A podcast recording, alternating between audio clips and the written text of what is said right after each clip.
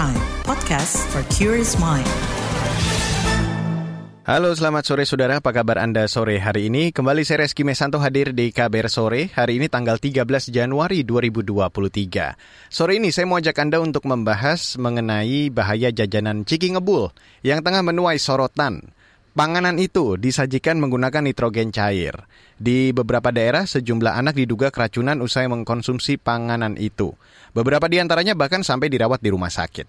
Apa sebetulnya bahaya dari penggunaan nitrogen cair dan bagaimana penanganan untuk mencegah timbulnya korban? Kita bahas selengkapnya di KBR sore.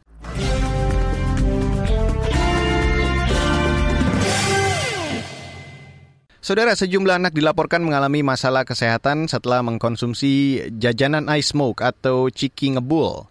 Kementerian Kesehatan mencatat kasus medis terkait ciki ngebul pertama kali dilaporkan pada Juli tahun lalu di Kabupaten Ponorogo, Jawa Timur. Berikutnya, November lalu, lebih dari 20 anak di Kabupaten Tasikmalaya, Jawa Barat dilarikan ke puskesmas karena diduga keracunan ciki ngebul. Sebulan kemudian, pada Desember 2022, bocah di Bekasi diduga mengalami bocor lambung usai mengkonsumsi jajanan itu. Laporan-laporan kasus ciki ngebul itu terus masuk ke Kementerian Kesehatan. Direktur Penyihatan Lingkungan di Kementerian Kesehatan Anas Maruf mengatakan, laporan kasus ciki ngebul mulai menumpuk sejak jajanan itu luas, tidak cuma di mal-mal. Nah, memang ini yang baru terjadi di tahun 2022 ya. Ada beberapa uh, hal yang uh, menjadi apa namanya diskusi kita ya, uh, karena memang saat ini uh, penggunaan nitrogen cair pada pangan jajanan itu mulai meluas. Kalau dulu kan kita lihat bahwa ini um, pada awal-awal dilakukan di tempat-tempat yang katakanlah mal-mal besar dan sebagainya. Tapi saat ini kemudian meluas ke apa namanya UMKM-UMKM atau pedagang-pedagang kecil yang kemudian bisa menyajikan cikbul ini. Nah, tapi terkait dengan ini juga kita sedang melakukan kajian dengan para pakar, perlu kajian lebih lanjut dan kita selalu mengawasi juga terkait dengan apakah ada laporan-laporan baru terkait dengan kejadian ini. Anas Maruf mengklaim Kementerian Kesehatan terus memantau kasus itu setelah banyak anak jadi korban jajanan ciki ngebul.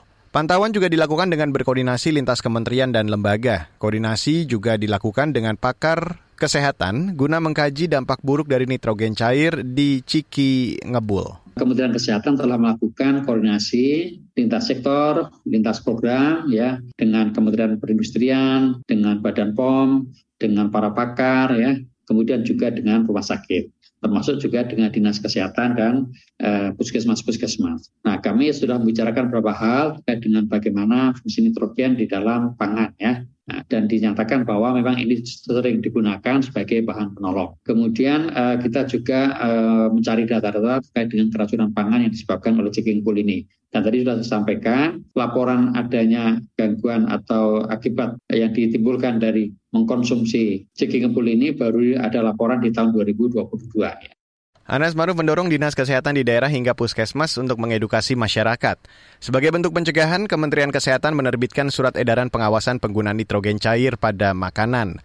Salah satu isinya melarang masyarakat mengkonsumsi jajanan yang menggunakan nitrogen cair. Isi dari upaya kewaspadaan ini adalah antara lain satu, kita e, meminta kepada Dinas Kesehatan Provinsi, Kabupaten Kota, Puskesmas, BTK LPP, serta KKP untuk melakukan pembinaan dan pengawasan terhadap produk pangan siap saji yang menggunakan nitrogen cair ini di wilayah kerjanya masing-masing. Kemudian kedua kita juga minta untuk memberikan edukasi ya selain di pusat melakukan berbagai edukasi dengan berbagai media yang ada atau kanal-kanal yang ada kita juga minta kepada eh, teman-teman di daerah untuk memberikan edukasi kepada pelaku usaha juga pihak-pihak lain yang terkait yaitu terhadap bahaya nitrogen cair pada uh, pangan siap saji. Kemudian kita juga minta pada eh, teman-teman ya di daerah untuk memberikan edukasi kepada sekolah-sekolah, kepada anak-anak terutama ya, kemudian juga masyarakat terutama orang tua yang punya anak kecil ya terhadap bahaya nitrogen cair pada pangan siap saji. Kita minta uh, masyarakat untuk tidak mengkonsumsi karena mengingat bahayanya. Anas Maruf juga meminta pedagang-pedagang kecil untuk tidak menjual ciki ngebul yang mengandung nitrogen cair. Kita minta kepada TPP atau tempat pengolahan pangan yang selain restoran ya, jadi seperti jajan keliling atau uh, food street ya, seperti di pasar-pasar malam dan sebagainya, itu tidak menggunakan nitrogen cair pada produk pangan siap saji yang dijual. Ya. Saat ini Kementerian Kesehatan masih melakukan kajian epidemiologis terkait dampak buruk nitrogen cair pada kesehatan. Sementara itu, Badan Pengawas Obat dan Makanan Badan POM menyatakan Penambahan nitrogen cair yang tidak sesuai standar pengolahan pada jajanan dapat membahayakan tubuh. Dampak buruknya bisa melepuh jika terkena kulit dan bisa melukai lambung jika dikonsumsi. Deputi Bidang Pengawasan Pangan Olahan di Badan POM, Rita Endang mengklaim lembaganya sudah melakukan pemantauan penggunaan nitrogen cair di seluruh daerah. Badan POM juga telah menerbitkan pedoman mitigasi risiko nitrogen cair pada pangan olahan. Salah satu isinya mewajibkan pedagang yang menggunakan nitrogen cair untuk mengikuti pelatihan. Baiklah kita jeda sejenak setelah jeda akan saya hadirkan laporan khas KBR mengenai reaksi masyarakat terhadap jajanan Ciki Ngebul. You're listening to KBR Pride, podcast for curious mind. Enjoy!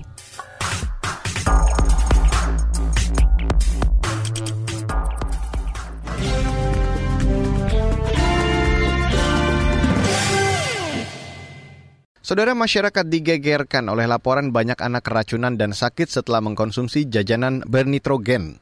Jajanan tersebut dikenal dengan cikbul atau ciki ngebul. Lantas bagaimana tanggapan masyarakat? Berikut saya hadirkan laporan jurnalis KBR Astri Septiani. Kasus anak sakit setelah mengkonsumsi jajanan ciki ngebul kini banyak terjadi. Dinas Kesehatan Provinsi Jawa Barat bahkan mengharuskan seluruh rumah sakit melaporkan jika menerima pasien kasus keracunan akibat jajanan bernitrogen atau ciki ngebul untuk mencegah terjadinya kejadian luar biasa atau KLB. Saat ini, status kasus ciki ngebul atau cikbul di Jawa Barat masih di level kedaruratan medis. Status ini ditetapkan Dirjen Pelayanan Kesehatan Kementerian Kesehatan melalui Dinas Kesehatan Jawa Barat.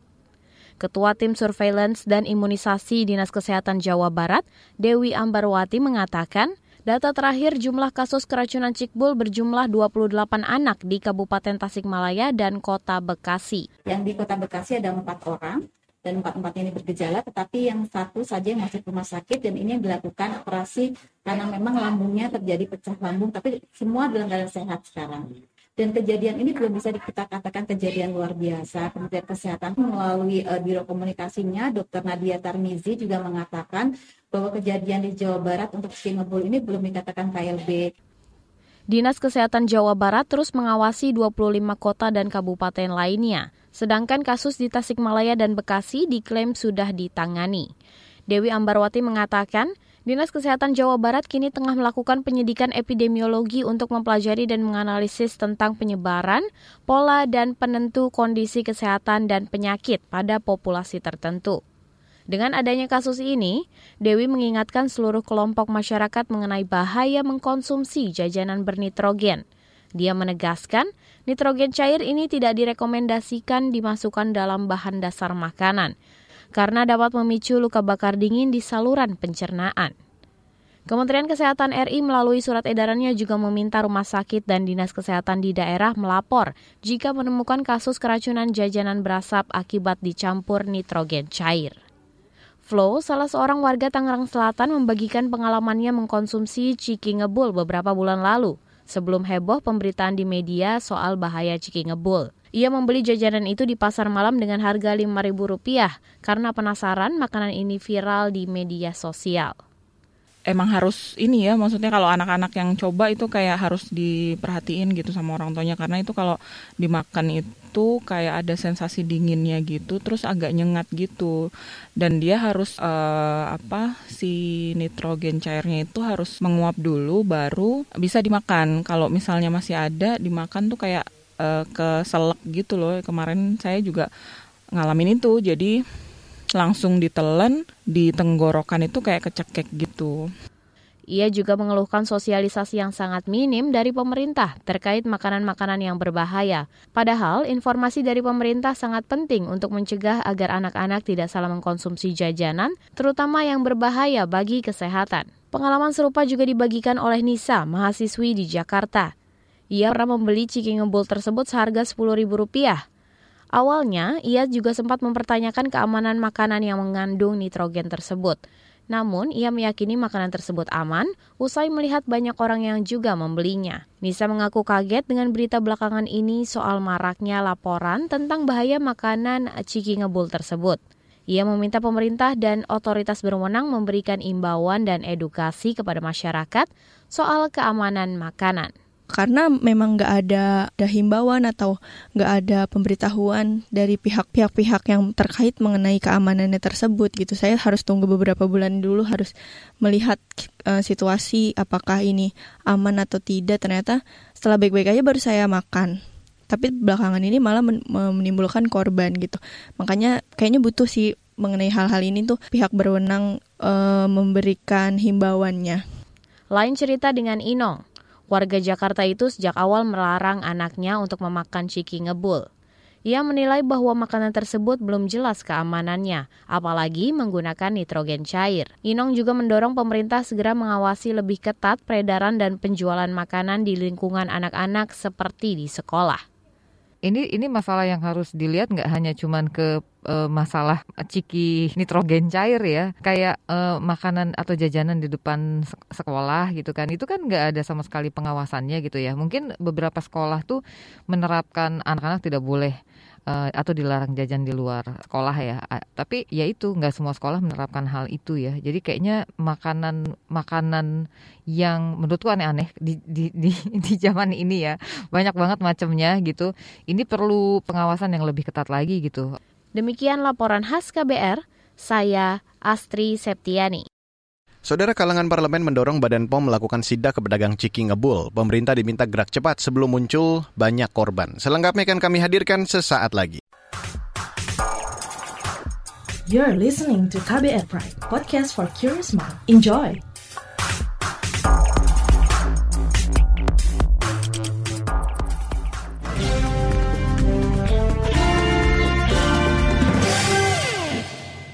Saudara, kasus nitrogen cair pada jajanan anak seperti ciki ngebul menuai sorotan dari kalangan parlemen. Anggota Komisi Kesehatan DPR Neti Prasetyani Aher meminta pemerintah mengawasi langsung peredaran jajanan ciki ngebul.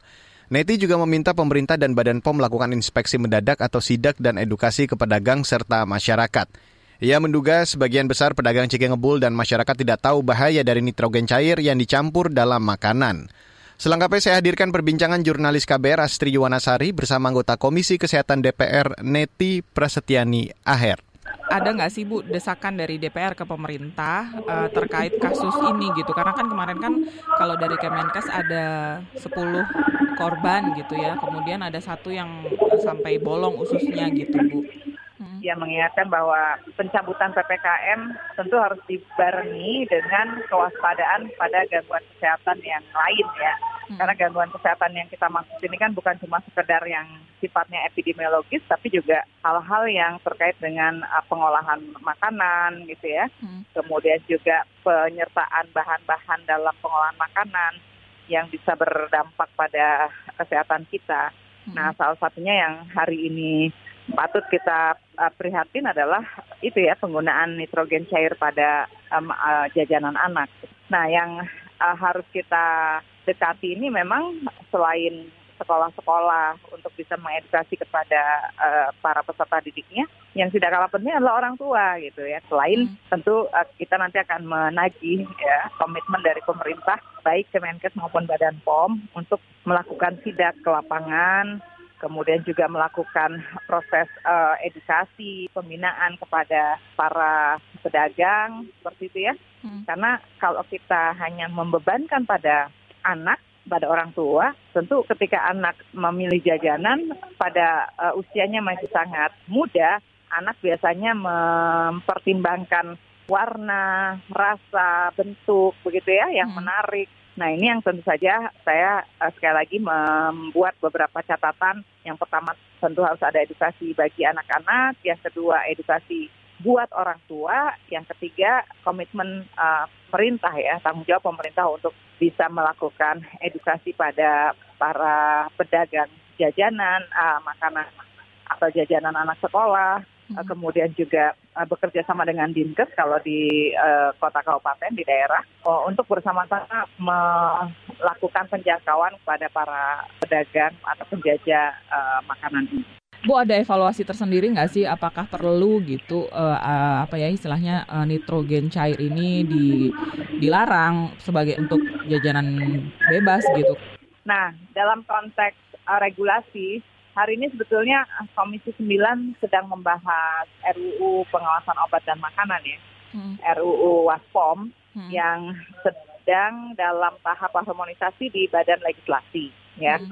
Nah ini tentu menjadi catatan tersendiri ya bahwa uh, ternyata perkembangan tren begitu ya, kemudian hmm. kreativitas dan dorongan untuk mendapatkan keuntungan, mendapatkan um, margin atau tingkat penjualan yang lebih besar ini dilakukan ya dengan berbagai cara oleh para pedagang. Nah oleh karena itu saya berharap mudah-mudahan nanti tim ahli dari Badan Legislasi maupun tim ahli uh, Komisi 9 ini dapat memasukkan ya poin-poin yang akan jadi klausul ya, terhadap pengawasan uh, obat dan makanan terkait dengan pangan olahan. Karena kalau kita bicara pangan olahan memang menjadi domain dari Badan POM ya. Mm-hmm. Nah, pangan olahan ini yang juga harus mulai diperluas, perluas dalam arti eh, kita memotret tadi ya penggunaan bahan-bahan yang berdampak atau diduga akan menimbulkan gangguan kesehatan. Mm-hmm. Nah ini uh, mumpung belum dibawa ke rapat paripurna untuk disetujui sebagai uh, eh, RUU inisiatif DPR ya dalam pembahasan tingkat satu, saya pikir ini juga menjadi hal penting ya mm-hmm. untuk memagari regulasi dari pengawasan obat dan makanan. Berarti ini uh, termasuk juga antisipasi ke depan gitu terhadap betul betul uh, jajanan yang Karena dijual bebas gitu ya, bicara, ya Bu Kalau kita bicara RUU mm-hmm. rancangan undang-undang kan memang seharusnya memberikan aspek perlindungan ya, mm-hmm. memberikan aspek perlindungan dan kemudian juga bisa memitigasi apa yang kira-kira atau patut diduga akan terjadi di masa yang akan datang mm. ya. Nah termasuk yang hari ini kita apa namanya kita bahas ya tentang ciki ngebul ini. Mm-hmm. Ya kemarin saja kan seperti gangguan ginjal akut progresif atipikal pada anak mm-hmm. juga akhirnya me- membangun kesadaran pada kita bahwa ternyata uh, yang pharmaceutical grade memang ada di Badan POM ya, tapi kemudian uh, bahan pelarut yang digunakan pada industri besar, uh, industrial grade, ini ternyata uh, ada celah regulasi seperti itu. Saudara itu tadi perbincangan jurnalis KBR Astri Yuwanasari bersama anggota Komisi Kesehatan DPR Prasetyani Aher. Saudara penyajian ciki ngebul dengan nitrogen cair harus dilakukan oleh ahli yang bersertifikat. Jika tidak, makanan itu bisa berdampak buruk ke tubuh. Seberapa bahayanya? Informasi selengkapnya sesaat lagi. You're listening to KBR Pride, podcast for curious mind. Enjoy!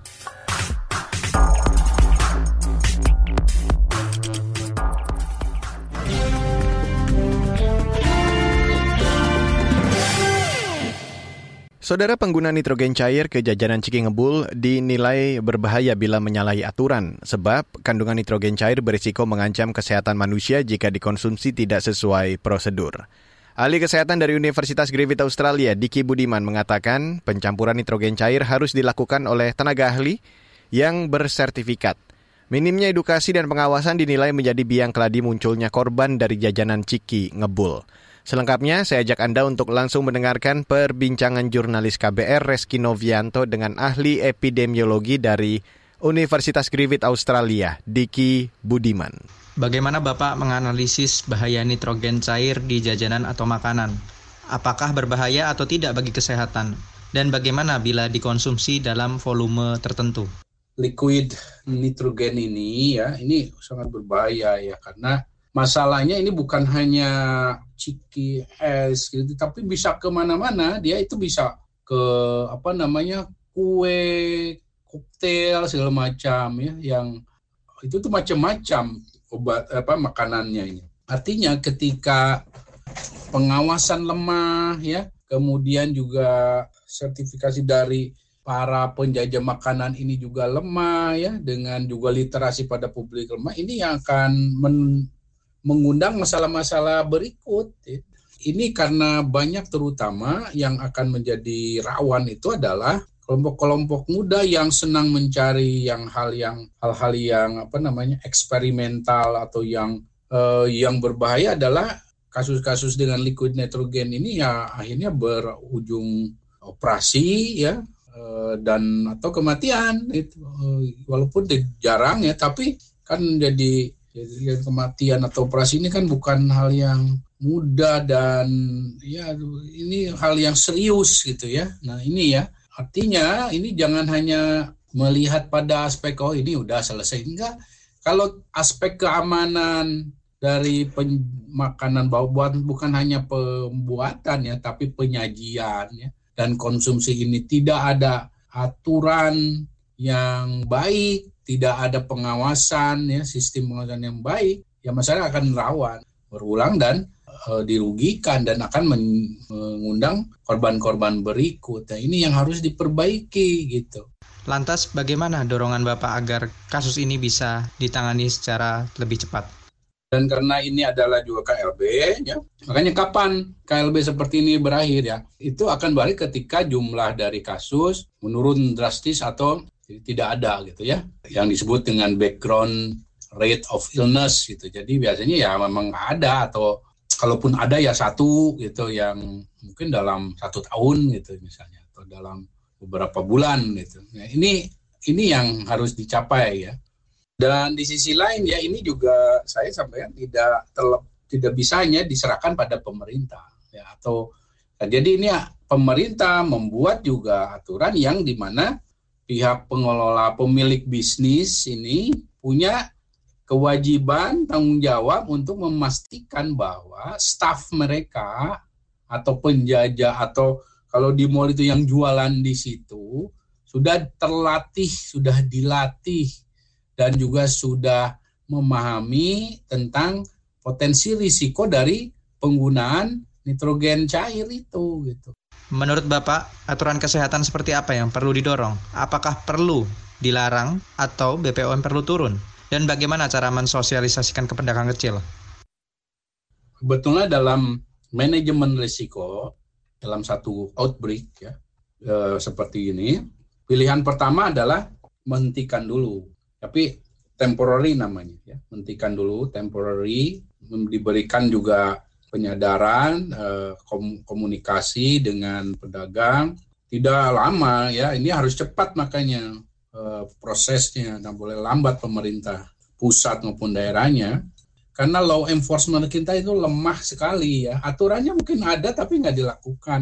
Nah, karena harusnya kalau di negara maju, negara yang tertata, uh, regulasinya baik, dan kita harus menjadi negara seperti itu adalah penjajah makanan seperti ini harus diberi uh, pen, uh, apa namanya ada ada kualifikasinya, ada sertifikasinya lah gitu ya. Harus ada jadi maksudnya harus dia tahu ini harus uh, jadi harus itu dulu kan dia tahu bahwa itu harus hilang dulu si apa uh, nitrogennya jadi enggak dingin banget kan uapnya itu hilang dulu baru dikonsumsi gitu nah ini yang eh, gagal ya dilakukan oleh pemerintah dalam pengawasan pem, pemantauan dan penerapan literasi ini ya sertifikasi ke dalam penjajahan makanan ini. Nah ini yang nah ini menjadi datangan korban gitu. Jadi yang salahnya sebenarnya pemerintah juga salah. Bukan hanya pedagangnya ya Ya, saudara itu tadi perbincangan jurnalis KBR Reski Novianto dengan ahli epidemiolog dari Universitas Griffith, Australia, Diki Budiman. Dan perbincangan ini sekaligus menutup KBR sore untuk hari ini, 13 Januari 2023. Selamat berakhir pekan, saya Reski Mesanto undur diri. Salam.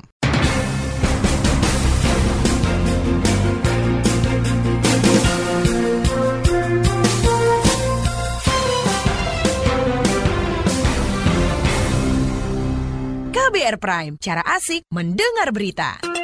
KBR Prime, podcast for curious mind.